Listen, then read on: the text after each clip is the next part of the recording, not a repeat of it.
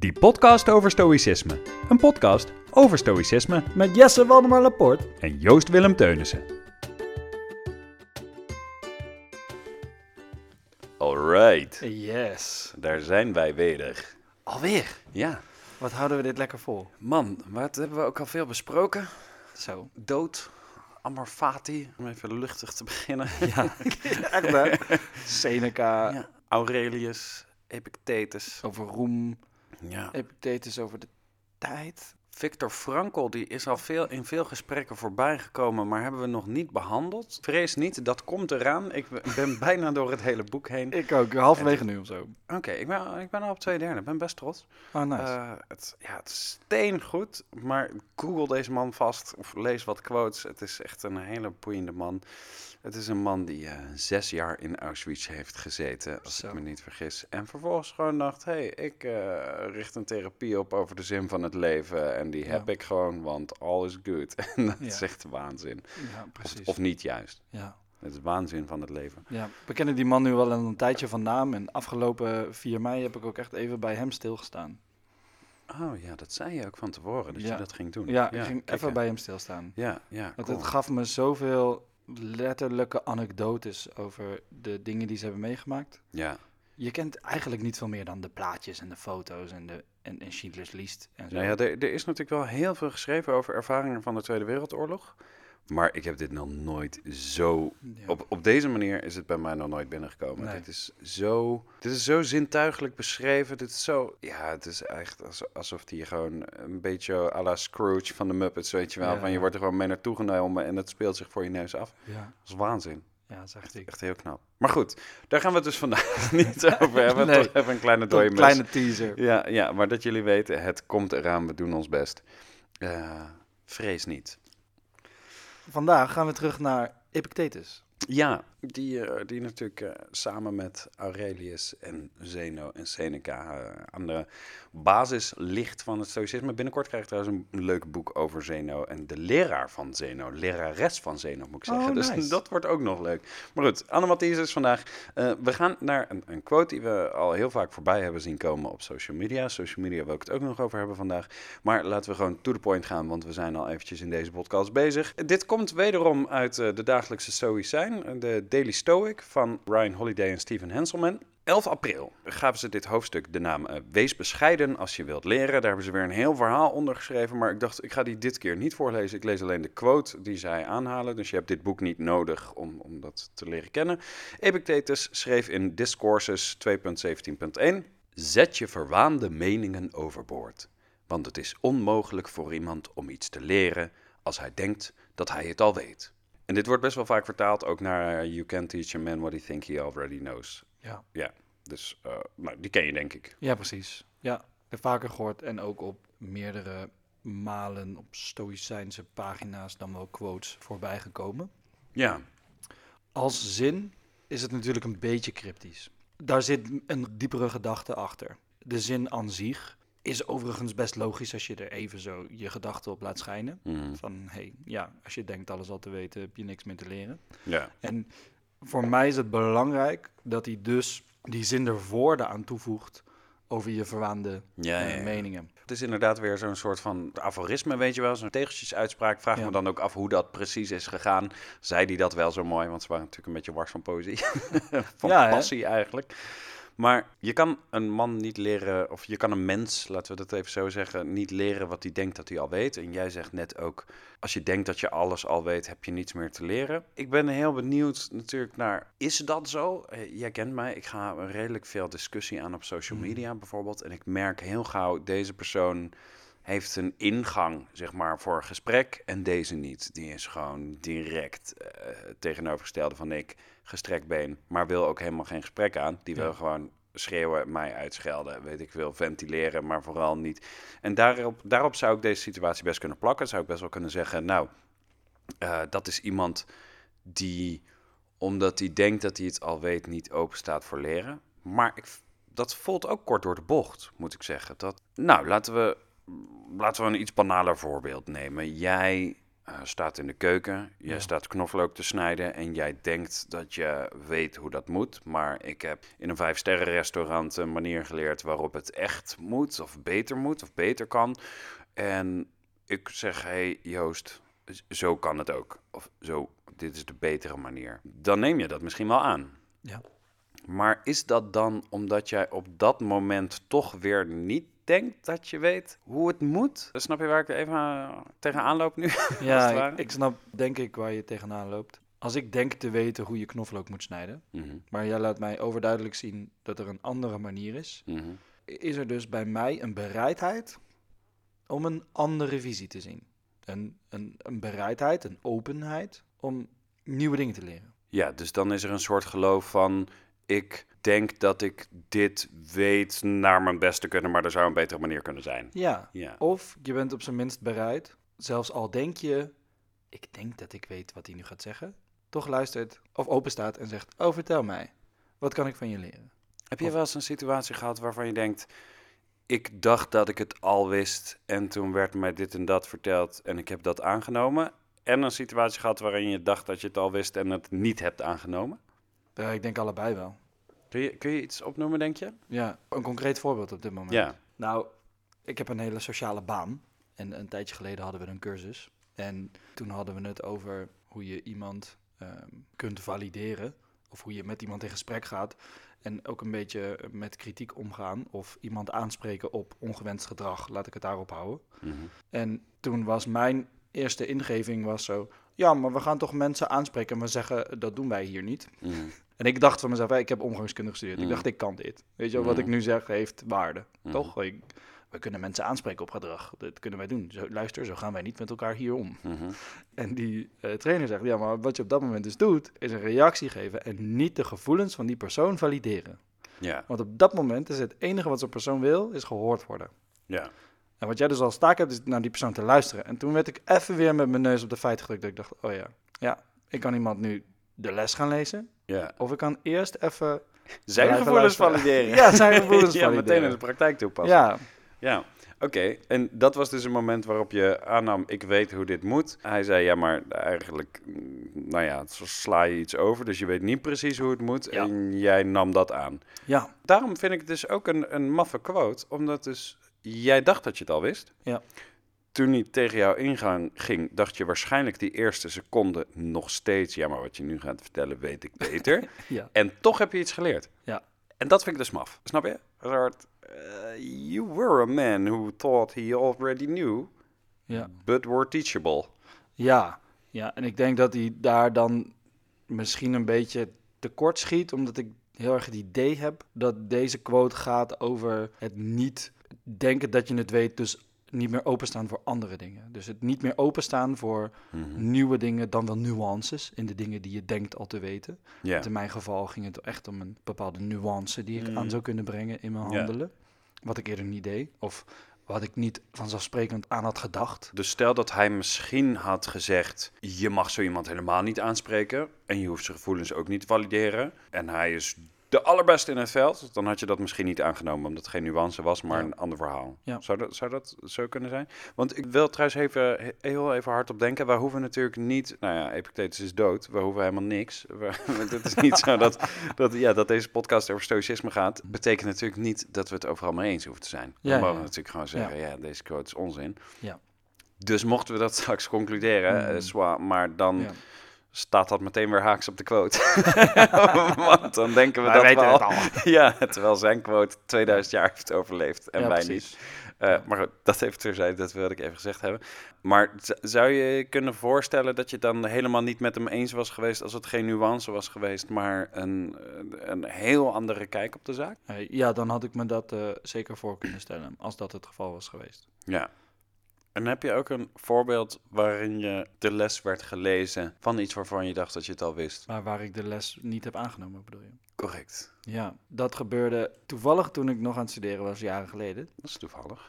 Toen ik een presentatie had gedaan. Toen en- je sowieso nog niet alles wist. Nee, ja, sowieso niet. En nog steeds niet.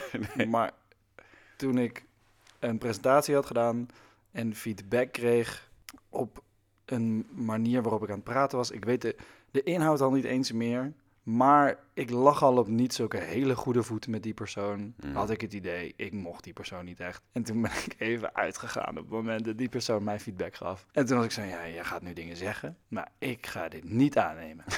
We kijken. Dat maar. was je houding dus al? Ja, dat was mijn maar, houding. maar was dat ook omdat je dacht dat je het beter wist? Of Ja. Oké. Ja, ik, ik, Ja. ik had mezelf op dat moment ook al als een, een betere persoon bestempeld dan die persoon. Ik had Ja. mezelf volledig in mijn ego-situatie helemaal over die persoon heen ge-. Geplaatst. Je gaat me niks vertellen wat ik Dat, niet al dat weet. inderdaad. Ja. Jij gaat mij niks vertellen.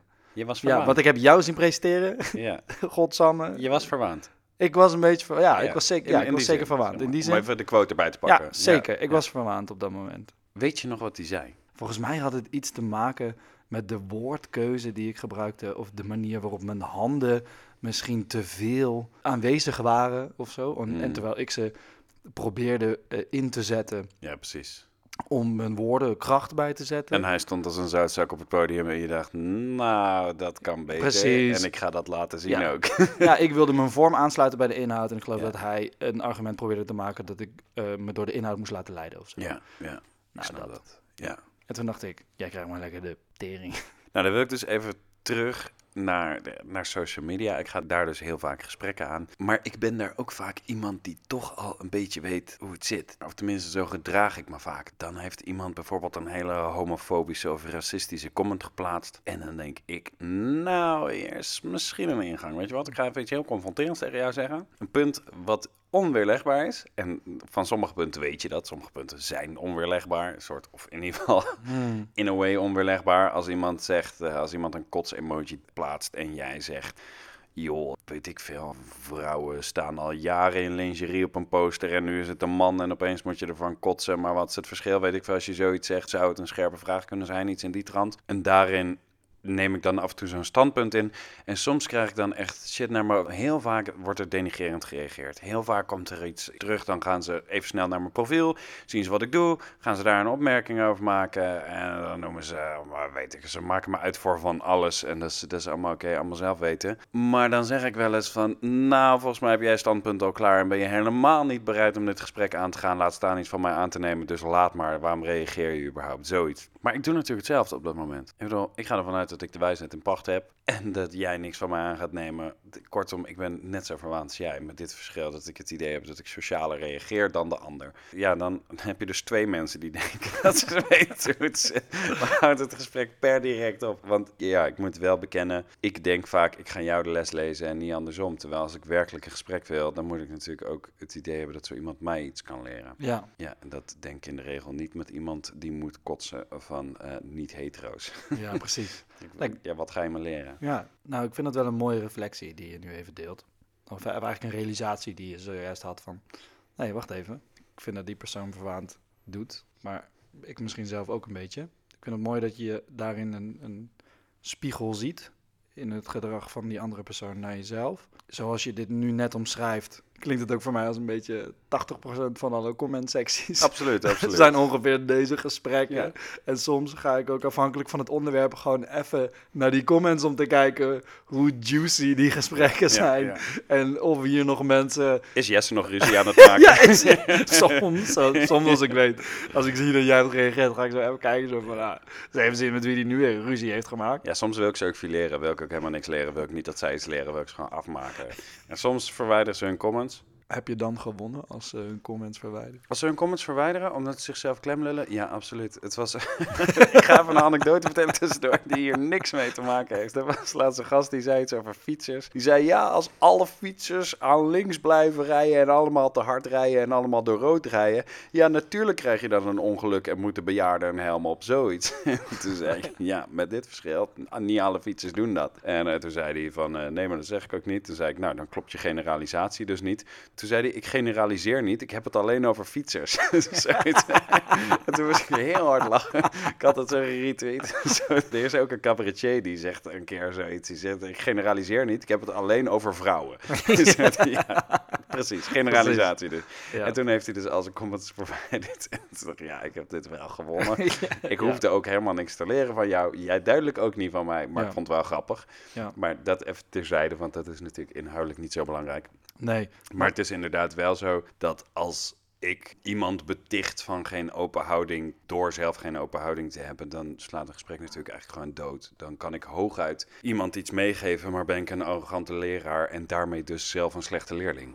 Ja, dat zou je zeker kunnen zeggen. Ja, en dan komen we ook weer een beetje bij dat valideren waar jij het net over had. Zeg maar in jouw voorbeeld, als ik tegen zo iemand zeg van joh, je moet openstaan voor wat je te horen krijgt. En vervolgens zelf niet openstaan voor wat ik te horen krijg, dan is er een soort practice what you preach ding dat verloren gaat. Ja, eigenlijk wel. Ja, Ja, en het is denk ik ook heel moeilijk om te hanteren, want dan krijg je weer eh, die quote van Viktor Frankl, tussen stimulus en respons zit Mhm. ruimte. ja, En die stimulus kan heel sterk binnenkomen. ja, En jouw houding is dan, ja, hallo, eh, luister eens even.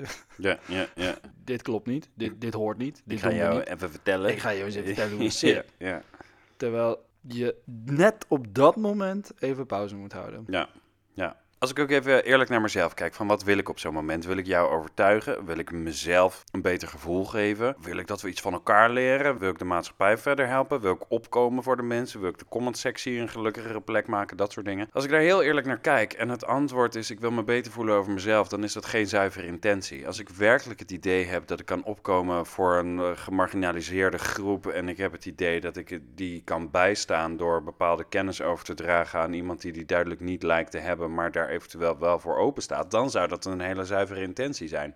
Zonder dan inderdaad ook nog eens, en dan moet ik dus meewegen, dat ik niet moet pretenderen dat ik meer weet dan de ander, maar dat ik andere kennis heb over zaken waar die ander duidelijk het nog niet van op de hoogte is. Een soort van, hé, hey, misschien mag ik dit met je delen. Ja, En dan eerst bijvoorbeeld vragen van, goh, hoe komt het dat je daar zo naar kijkt? En als diegene zegt van, ja, ik vind dat niet normaal. Dus nee, kan ik me voorstellen, maar we leven in een tijd dat, bla bla. Dat, eh, op zo'n manier zou het misschien heel zuiver kunnen zijn. Ja. Maar dat is vaak niet hoe ik me gedraag. nee. Nee, en dat is, eh, ja, sorry dat ik dit de ether inslinger, toekomstige Jesse, want je doet nu nogal een boekje open over jezelf. Maar ik bedoel het allemaal goed. Een soort eh, digitale Robin Hood. I Ja. nou, ik vind, het, ik vind het heel open en eerlijk dat je deze ontboezeming doet. En ik vind het ook heel mooi, want daar draait het immers om, toch? Reflectie. Mhm. Een beter mens willen worden, willen zijn. En ik vind dat heel mooi dat je ook eh, deze voorbeelden gebruikt. Ken je nou al een tijdje. En ik weet ook dat er ook momenten zijn geweest waarop het je wel gelukt is om mensen tot een keer te brengen. Waarin Zeker. mensen hebben gereageerd. hey, zo had ik hier nog niet eerder naar gekeken. Ja. Dankjewel, ik ga hier even beter op letten de volgende keer als er zo'n thema naar voren komt. Correct. En dan zeg je, ja, hey, succes, fijn leven verder, toppie. Ja. En die dingen die deel je dan ook. Ja, daar kijk, komen, daar het komen is gelukt. uit. Het is Ja. gelukt. Ja. Ik praatte met iemand in de comment sectie en ik heb iemand van gedachten veranderd. Dat is aan zich een zeldzaam gegeven. Laten we eerlijk wezen. De comment secties zijn meestal niet de plek waarop ruimdenkende mensen van ideeën dan wel inzichten. Het gebeurt één op de honderd keer inderdaad dat zoiets voorkomt. Maar het is inderdaad het enge aan social media is natuurlijk dat je het allerhardste dat je kan verzinnen, kun je tegen iemand zeggen zonder die persoon in de ogen te hoeven kijken. En dat is heel spannend. Ja. Maar het was inderdaad tijdens de Black Lives Matter protesten dat er een keer een waanzinnig racistische comment was geplaatst door een volwassen vrouw. Dat ik even een vergelijking had gemaakt. Zei, joh, maar zo en zo en zo zou je het ook kunnen bekijken. En eh, kijk anders even deze film. Toen is ze die film gaan kijken. Toen heb ik een cartoon getekend, heb ik die met haar gedeeld. Een soort van, kijk, dit is eigenlijk wat er gebeurt. Toen heeft ze die cartoon gedeeld in haar story. Heeft gezegd, shit, Jesse heeft me even uitgelegd. En nu kijk ik er anders naar. Ja, dat is totale winst Ja. Ik wilde niks van haar leren, maar ik wilde wel inderdaad kennis overdragen en niet een beter gevoel over mezelf. Maar ik wilde dat we samen anders naar de situatie zouden kijken. ja, precies. Ja, Ja. En, en dat vind ik ook een hele mooie. Kijk, en als dat lukt, dan heb je winst behaald. Dan, Ja. dan, dan zit daar iets. ja. Natuurlijk eh, zeg je het over, hey, ik heb pure intenties. En, en natuurlijk moet je daarbij goed je ego in check blijven houden. Van, Mm. doe ik dit voor mezelf of doe ik dit voor ja. het goede van de mens, Ja. voor in, in de mensheid? Dat is natuurlijk ook eigenlijk maf aan de quote. Dat je rekening moet houden met een leerlingrol en een leraarrol. Want je kan volgens de quote dan niet iemand iets leren wat hij denkt dat hij al weet. Daarin zit een verwaande leerling. Maar daarin zit dus ook een leraar die denkt dat hij het ook weet. Als het ware. En dat is eigenlijk best wel een soort meta naar deze quote kijken. Ja, Want hoe moet die zich dan opstellen? ja. Als iemand die het al weet? Nou, nee. Nee, ik denk dat de leraar zich heel erg moet opstellen als iemand die zegt... luister, dit is het gegeven en dit is hoe ik het interpreteer. Ja, ja. Dit deel ik nu met jullie. Dit is het gegeven, dit is mijn interpretatie. Wat denken jullie? Ga Ja. daar maar een opstel over schrijven van 3000 woorden. Ja, maar, nee, maar zeg maar, kijken even naar, naar de eh, huidige toestand van het klimaat. Om het even proberen neutraal te, neutraal te brengen zonder het crisis te noemen. ja, is goed. Je hebt de huidige toestand van het klimaat. Oh, ik heb een idee over wat de bio-industrie daar eh, voor invloed op heeft. Laten we dit even proberen direct in de praktijk te brengen. Ik zit tegenover, eh, niet jou, maar hypothetisch even tegenover iemand in een McDonald's die vlees aan het wegstouwen is. Dat vlees komt uiteraard direct uit de bio-industrie, want het is. McDonald's vlees. En ik heb daar een idee over. Als ik deze les wil overbrengen, maar ook een lerende rol wil aannemen als leraar, hoe zou je zien dat ik dat moet doen? In dat voorbeeld dat je net zei. Ja, dus het- de setting is Ja. even dit. En jij zei, we hebben een toestand, we hebben een interpretatie en, en, en de les, als het ja. ware. ja, precies. Hoe, hoe zou je dit doen? Ja, oké, dus ik, wat ik denk dat heel belangrijk is voor de les, is het moment waarop de les gelezen wordt. Dus op het moment dat ik degene zou zijn, met een hele dikke druipende vleesburger in mijn handen, waarschijnlijk gekocht omdat ik honger heb. Ik ben mijn behoefte, mijn persoonlijke levensbehoefte aan het voldoen. Ja, je was niet bezig met principes op dat moment. Nee, en op dat moment sta ik wellicht, kunnen we ons voorstellen, niet helemaal open voor een kritische discussie over het vlees, Nee. wat ik in mijn mond aan het stouwen ben op dat moment. Nee, doe dit even lekker na het eten. Precies, ja. Waar ik persoonlijk voor zou kiezen om ervoor te zorgen dat de les aankomt, Mhm, of om überhaupt, want er is duidelijk een intentie, mhm, is om te beginnen met een vraag. mhm. En dan het liefst na het feit. Dus nadat de burger gegeten is. Ja, dus jij vindt in die zin al dat de leraar een soort lerende houding of een, een, een niet arrogante houding opstelt door te kiezen wanneer de les gelezen wordt. Ja, ja, ja. Maar op het moment dat de leerling ook ontvankelijk lijkt voor het Yes. nieuws dat je wil brengen. Ja, en ik denk dat je dat het beste kan doen door de leerling te activeren. Ja. Oh, ja. Dus door de, de leerling alvast aan het werk te zetten met hetgeen wa- waar je het over zou willen hebben. Even Dan nog meer meta. Jij- informatie over zou willen delen. even nog meer meta, maar jij hebt hier nu dus een idee over en bent dat aan mij aan het vertellen. Ja. Als een soort leraar. Ja. Sta je open voor een ander idee? Dat ik zeg, nou ja, ik denk dat activeren juist niet werkt. Maar dat, dat je eerst moet inspireren en laten zien dat jij Oh, als leraar kennis hebt omgezet in iets en daarna pas activeren. Dat mag ook. Ja joh, wat jij... nou, dat ging eenvoudig. Nee, dat, ma- dat maakt mij niet zoveel uit. Maar je, je vraagt mij al mijn mening. En Nee, nee, nee, ik. snap ik. Maar ik vind Ja. het een heel mooi meta gegeven dat ik je al in een hypothese vraag hoe een leraar zich moet opstellen. Waarna jij je als een leraar opstelt, waarin ik vraag Mm. hoe jij je als leraar opstelt. ik vond het even... Meta, meta, ik- ja, ik moest er even op Ja, inbreken. snap ik. Snap Ja, nee, maar ik, ik, ik snap wat je zegt. Laten we zeggen dat er dan dus een aantal ingrediënten zijn. Je hebt namelijk een leerling nodig die op een bepaalde manier ontvankelijk moet zijn voor een les. Ja. We hebben een situatie slash tijd slash plaats nodig waarin de les geleerd kan worden, zowel overgedragen als aangenomen. Ja. We hebben een leraar nodig die open staat voor het idee niet de wijsheid in pacht te hebben, maar wel een interpretatie van de situatie te hebben. Ja. Er moet een, een algehele kennis van zaken zijn en er moet een status quo zijn die niet met elkaar overeenkomen. En dus, want dat zou racisme kunnen zijn en een beeld over Ja. racisme en een interpretatie. En iemand die bereid is daar werk van te maken. Maar dat kan natuurlijk inderdaad ook klimaat zijn, dat kan biologie zijn, dat kan zijn, kan heeft een zijn. dinosaurus veren Ja. gehad, ja of nee? Ja, wat ik daar nog bij zou willen aansluiten is dat ik denk dat de leraar net iets meer nodig heeft. Namelijk, hij heeft ook bepaalde inzichten of kennis nodig. En misschien Mhm. wel manieren om die kennis te delen met de, de hoofdlerende, vaak de student. Ja, En die dat ook met die persoon kunnen delen. en hoe bedoel je dat? Nou, zoals jij deed met die docu delen op eh, eh, social Mhm, media mhm. over Black Lives Matter. Dus je bedoelt ook bronnen bijvoorbeeld? Bronnen, ja. Ja, Ja, ja, ja, oh ja. Eh, Daadwerkelijk dingen om je eh, inzichten en jouw eh, interpretaties met die anderen te kunnen delen. En vervolgens nieuwe input te kunnen We geven. hebben te zeggen, onderbouwing hier, maar- Ja, precies. Ja. We hebben een bepaalde onderbouwing nodig. Ja, want Van de ik heb een interpretatie en ik onderbouw die op basis van deze en deze bestaande kennis of verworven bronnen, verworven kennis. En die heb ik nodig om mijn interpretatie een les te maken, als het ware. Ja, ook om kracht bij te zetten. Zouden we want- kunnen want- zeggen dat mijn interpretatie een les wordt op het moment dat het onderbouwd wordt door bepaalde bronnen? Mooie Ja, zin, het, ja, het is hele mooie. zin. Het is hele mooie. Het wordt in ieder geval waarschijnlijker dat mensen daar open voor staan dan wel dat aan willen nemen op het moment dat je het kan onderbouwen. Ja. Ik kan me herinneren dat ik in gesprekken met mensen wel eens van die wijsheden naar mijn hoofd geslingerd krijgt van eh, vier uur voor het slapen gaan moet je niet meer eten. Mhm. Hoezo? Dat is niet goed voor je spijsvertering. Mhm. En hoezo dan? Ja, weet niet, is gewoon zo. Ja, oma zei ook altijd dat ik niet met sokken aan mocht slapen. En waarom niet dan? Ja, waarom niet? Moet je Ja. gewoon niet doen. Is Ja, je voeten moeten ademen. Ja, is goed. Ja, is goed. Van wie? ja. Wie ben jij om dat... Snap je? nou, je oma. hallo. Als je dingen niet onderbouwt, als je dingen niet beargumenteert, waarom zou je ze Maar het is misschien ook een goede les voor jezelf. Van toets je kennis. En, Ja. en waarom zou die kloppen?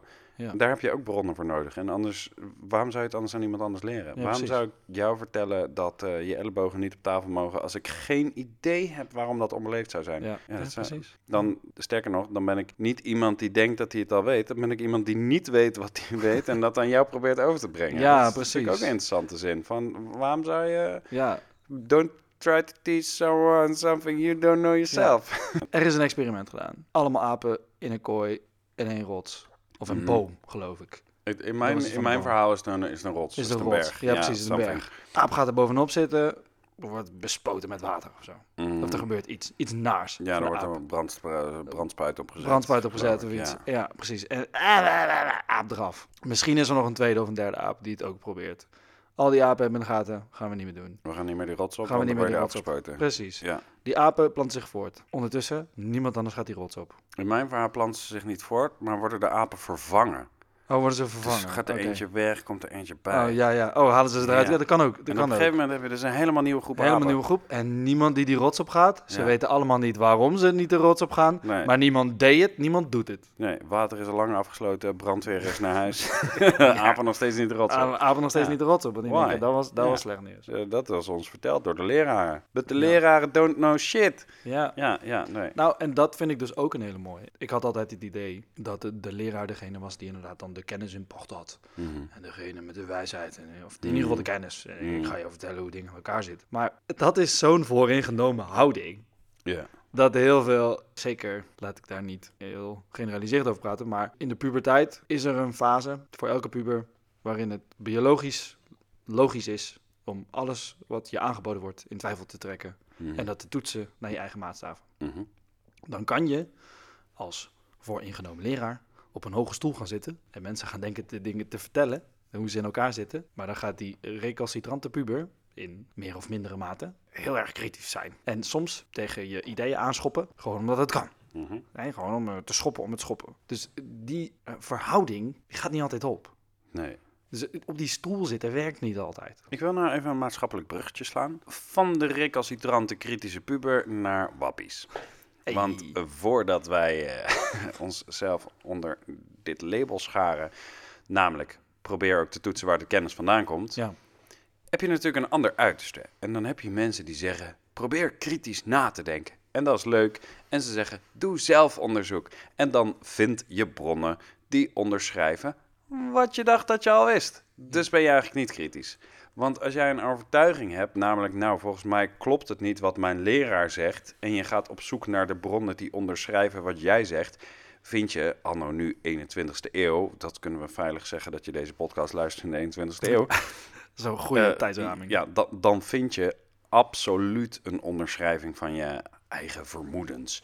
En ook als je die niet hebt, dan kun je die spiritueel onderschrijven natuurlijk. Want dat klopt altijd, want je 100%. kompas, je intuïtie, je hele vak, geef het een naam. Het voelt goed. Klopt, ja. maar dan ben je dus niet kritisch op je eigen bronnen en waarom je de ene bron wel gelooft en de andere bron niet. Maar dan ben je dus die recalcitrante puber die zegt: Ik wil van jou niet aannemen. Dus denk je al dat je het al weet en kun jij niets geleerd worden door die ene leraar, maar word jij je eigen leraar. En dan ga je een dubbelrol spelen die je niet zou moeten spelen, want dan ben je juist verwaand, want jij zegt, ik geef mezelf wel les.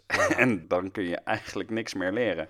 Ja, Dan kun je alleen maar jezelf voeden ja. met informatie die je wil hebben, in plaats van iets leren. ja, en dan krijg je een soort doffe spiegel, toch?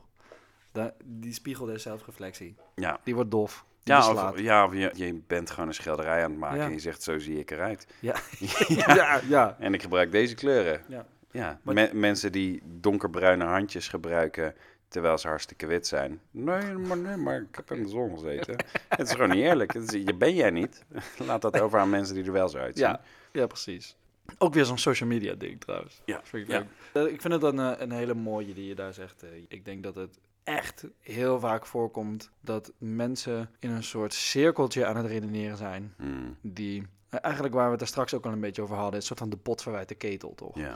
Dus dat de pot zegt, ah, zou- je, je moet, je doe Mm. onderzoek, doe onderzoek, educate yourself, educate yourself. Ja. ja. Maar En- ja, weet je, onderzoek dan maar, ook ja. je eigen... Want het- ja, ik vind, dat ook, ik vind dat altijd ingewikkeld dat mensen dan zeggen... Weet je, dan heb je een soort, een soort het massa-onderzoek, dat is dan 90%. Ja. En dan 10% van het onderzoek zegt iets anders. En dan neem je dat wel aan. Maar dan denk je, ja, maar als je echt zo kritisch bent... waarom kies je er dan voor dat dat ene onderzoek wel klopt en het andere Ja. onderzoek niet? Dus, ja, maar dat eh, wordt de kop ingedrukt, bla bla. Ja, daar zal ook wel een reden voor zijn. Maar goed, weet je, wees dan echt kritisch op alles. En wees dan ook echt kritisch op jezelf. Neem ook wel leraren aan. En wees dan kritisch op, op jezelf in plaats van op de leraar. En wees kritisch op de bron. Ja. ja, en in plaats van doe onderzoek naar onderwerpen, zou ik ook willen zeggen, eh, blijf zelf onderzoek doen. Dus waarom neig ik te geloven in deze zaak? Waarom Ja. neig ik al die kant op? In de, in de wetenschap hebben we het vaak over de confirmation bias. Mhm, Ik, ik ben geneigd om dingen te geloven die aansluiten bij dingen die ik al, Absoluut. al, al, Ja. al denk te weten. Dus Ja. op het moment dat je daar kennis van neemt. en je- Confirmation bias, Ja. lieve mensen, zoek het op. Ja, toch? Op het moment dat je denkt de, de, dat dingen daarop bijsluiten, dan kun je als het ware voortbouwen op de dingen die je al denkt te weten. En dan kan het soms onbedoeld een hele lelijke kant op gaan. Het is letterlijk een bevestiging van je vooroordeel. Ja, Als jij denkt dat alleen maar immigranten fietsen stelen en jij gaat alleen nog maar naar fietsendieven kijken die immigrant zijn, ja, dan word je vanzelf bevestigd. ja, ja precies. Ja. En dan, en dan krijg je van die momenten, maar het is wel waar, hè? Ja, want cijfers wel niet. Ja, Ja, want je hebt wel ja. alleen die cijfers. Heb je, heb je gezien? ja. Heb je gezien? Ja, ja, nee, maar ik denk Terwijl je dat- ook niet meer in staat bent om andere maatschappelijke factoren in overweging te nemen. Ik denk dat het voor onszelf nu in ieder geval een interessant inzicht zou kunnen zijn. Volgens mij denken de Stoïcijnen er sowieso over dat je van iedereen iets kan leren. Ook Ja, hoe je, hoe je die iets, ook iets nog niet zeggen. wil, zeg Ja, maar. precies. En ik denk dat voor ons nu een interessant inzicht is om te bedenken: eh, wees niet kritisch op de leraar. De leraar heeft sowieso een inspiratie of inzicht of les. Wees kritisch op de onderbouwing. Ja, En daarmee ook op je eigen houding en je eigen onderbouwing van waarmee je probeert de andere onderbouwing te verwerpen. Want Ja. op het moment dat jouw onderbouwing niet sterker is, is er dus een reden om verder te zoeken. ja. Op het moment dat jouw houding open is, is er altijd iets te leren. En de leraar kan in principe niet zoveel verkeerd doen, want Ja. dat is niet aan jou. De leraar kan eh, eventueel iets slecht onderbouwen en dan heb je dat weer geleerd. Ja, en ik weet nog heel goed dat ik een gesprek had met een docent, omdat ik zei, ik ben geneigd dit niet aan te nemen, want... Ja, je, je probeert me dit nu te vertellen, maar ik heb altijd gedacht dat het zo zou zitten. ja, Is het niet zo dat dit en zo en zo en zo zit? ja En daar zijn leraren blij mee, absoluut. want die denken, ja, een zelfdenkend mens. Nee, ja, luister, nou ga ik... Nou, En je eh, is onderzoeken. een ingang. Ja, maar dat gedrag leidt daartoe. Ik hoop zo ontzettend dat mensen deze podcast tot het einde luisteren. Want nu komen er dingen naar me. De Stoïcijnen zeggen dat trouwens ook. Eh, durf gewoon de domste in de kamer te zijn. Durf jezelf Ja. voor schut te zetten door te doen alsof je shit niet weet. Of door gewoon shit niet te weten. Ik heb gemerkt dat een flexibele houding, en daar heb ik het heel vaak over, I know. Flexibele houding, maar ook openstaan voor Mm. Maakt je leven zoveel leuker. Het is zoveel leuker om vragen te stellen. Het is zoveel leuker om gewoon... Als je in een ruimte bent met mensen naar wie je opkijkt... is het heel eng om je kwetsbaar op te stellen. Want Ja. je wil stoer doen, je wil meedoen. Ja. Maar op het moment dat ik, ik... Ik begeef me best wel vaak in ruimtes met mensen... Nou, die hebben het echt wel gemaakt. En als zij dan een term gebruiken die ik niet begrijp... En ik zeg gewoon... Maar wat is dat dan? Dit is zo cool, want zij zijn, natuurlijk zijn ze blij. Dan kunnen Ja. ze dat uitleggen. Ja. They don't give a fuck. Zij worden echt niet van, oh, Jesse is echt een loser, die weet Ja. het niet. Die zijn juist blij, oh, ik ga op deze stoel zitten, ik ga Jesse iets leren. Ja. En ik heb iets geleerd. Ja, dat is precies. een soort win-win, toch? En als het mensen zijn die zeggen, weet jij dat niet? Oh, ik dacht dat jij dat wel zou weten. Ja. En weet je wat ik dan tegenwoordig doe? Want zij gaan dan verliezen. Zeg, nee, weet ik niet. Als je heel zelfverzekerd namelijk zegt, nee, weet ik nee, niet, weet ik niet. dan voelen zij zich kut. Ja. Want stel dat jij tegen mij zegt, weet je niet wat gangster betekent? Zeg, nee, natuurlijk niet. Nee. Ben jij dan nog steeds stoer? Ja. Zeg maar, als ik zeg nee, en heel zelfverzekerd zeg nee, Ja. ik heb geen idee, leg uit Ja. dan. Ja. Dan is het toch veel minder stoer? Ja. Ja, ik vind dat een heerlijke houding. Ja. Wear your insecurities like armor and it can never be used to hurt you. Oh. Ik weet niet meer van wie die is. Ik hoop maar- echt dat jullie dit s'nachts luisteren met een grijns op je gezicht. ja, ik ben blij dat ik deze Ja, podcast toch- heb afgeluisterd. Ja, maar hoe... Echt wat geleerd. Of niet? Ja, precies. Check je bronnen. In ieder geval, we zijn er niet klaar, maar bedankt voor het luisteren alvast tussendoor. Nog een keer. Als je er nog bent, luister even verder. Ja, maar, maar echt, ik vind dat zo mooi als je dus op een gegeven moment in staat bent om te zeggen, ik weet dit niet. Ja, Niet weten. Ja. En dat komt weer terug op de quote. Als je denkt dingen al te weten, sta je dus niet open voor iets nieuws. Als je zegt, ik weet het niet, sta je dus open. Niet weten is openstaan voor alle mogelijke dingen die er zijn. ik kan je één ding vertellen. Het is moeilijker om shit wel te weten. Er was ooit een filosoof die zei... Alles wat ik weet. Dat ik niets weet. Ja, Ja. en dat is absoluut... Ik, ik weet eigenlijk niet veel zeker. Ik kan maar weinig zeggen waarvan ik het zeker weet. Ja. Echt zeker weet. En ik weet heel veel dat ik niet zeker weet. Ja. Dat is veel simpeler. Ja. Het is veel eenvoudiger om te zeggen: Ik weet niet hoe het zit, teach Ja. me. En als iemand dan zegt: Ik heb het idee dat het zo zit. En iemand anders zegt dat, nou dan ben jij rijker, want je hebt in ieder geval twee visies gehoord, Ja, right? precies. Ja, des te meer ik weet, des te meer er is dat ik niet weet. Ja, want Ik- dat is het. Ja, er toch? gaan extra deuren open. Met elke kennis weet je nog meer shit die je niet weet. Ik deed dat met vogels googelen een tijdje Mm. geleden. En ik dacht, oh ja, ik wil weten hoe deze vogel heet. En dan ga je zo'n vogel googlen. Dan kom je op de Wikipedia-pagina.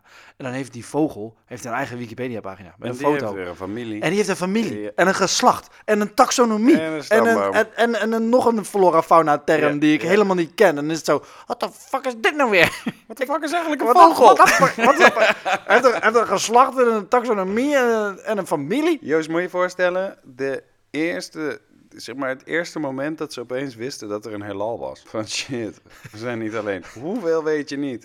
Of de dag dat ze ontdekten dat het universum misschien wel oneindig uitdijend is, maar ook eindig, maar niet. Bedoel, dan ontdek je toch, dan ga je toch kapot. Zo, hoeveel weet ik niet? Dat is je enige conclusie. Ja, Je conclusie is dan niet, oh, we weten nu dit. Je conclusie is dan, oh, we weten zoveel niet. Ja. Terwijl daarvoor was je wereld klein en fijn en had je oogkleppen op. En dat is misschien een beetje hoe je in de wereld zou kunnen staan met je, met je politieke, je maatschappelijke, je economische en je sociale overtuigingen. want dat is veilig toch? Ja. Oogklep opdoen, is veilig. Ik, ja, snap het. je- is veilig. Het, het kan zijn dat je nu het universum niet ziet. Als je nu, eh, oké, lieve luisteraar, ik ga even in je oor fluisteren. Of, eh, ik, ik ga dit even zachtjes vertellen. Maar mocht jij denken te weten hoe de vork in de steel zit, dan heb je het universum nog niet ontdekt. er is zoveel meer. weet ik veel. Ik weet ook niet of dat zo is. Ik doe dit nu ook maar alsof dit een les is. Maar ik denk wel, als je shit zeker weet, is je leven waarschijnlijk eenvoudig, maar heb je het niet goed. Ja. Ik- ja, weten maar is alles zeker. Ja. Dan word je een heel vervelend mens, vermoed ik. Ja. Dan word, je, dan word je zo'n man die de hele avond naast de barbecue staat te roepen dat je het verkeerd doet. Dan word je zo iemand. ja. Dan word je ook een man trouwens, hè? Als je dit luistert ik je wordt een man. Trek gewoon jezelf, al, trek alles in twijfel, maar niet omdat je aan de leraar twijfelt, maar omdat je aan jezelf en aan de bronnen en... Goed, laat maar. Ik ga deze zin niet eens afmaken. Nee. Dit mag eruit. Nee, Volgens, vol- nee, ik denk dat we genoeg hebben gezegd. Ik had Ja. het eigenlijk allemaal veel zwaarder en metafysischer willen maken. En ik, ik had veel meer op het individu willen zitten. Ik dacht echt dat we dit, dat we dit op, een, op een mooie, diepzinnige manier konden overbrengen. Maar ik ben altijd zo blij met hoe onze gesprekken lopen. dat het gewoon ergens totaal anders uitkomt Ja, dan waar ik dacht. En dat we nu ook eerlijk kunnen zeggen, ja, wij weten ook niet. nee. Maar dat is ook helemaal niet de opzet van onze podcast. Wij, Nee. dat zeggen we ook vanaf het begin. Wij gaan praten over een quote van het stoïcisme. Wij weten ook niet van tevoren of het wel of niet waar is. Dit is 2000 jaar oud, deze kennis. En wij proberen het gewoon in een modern jasje te gieten.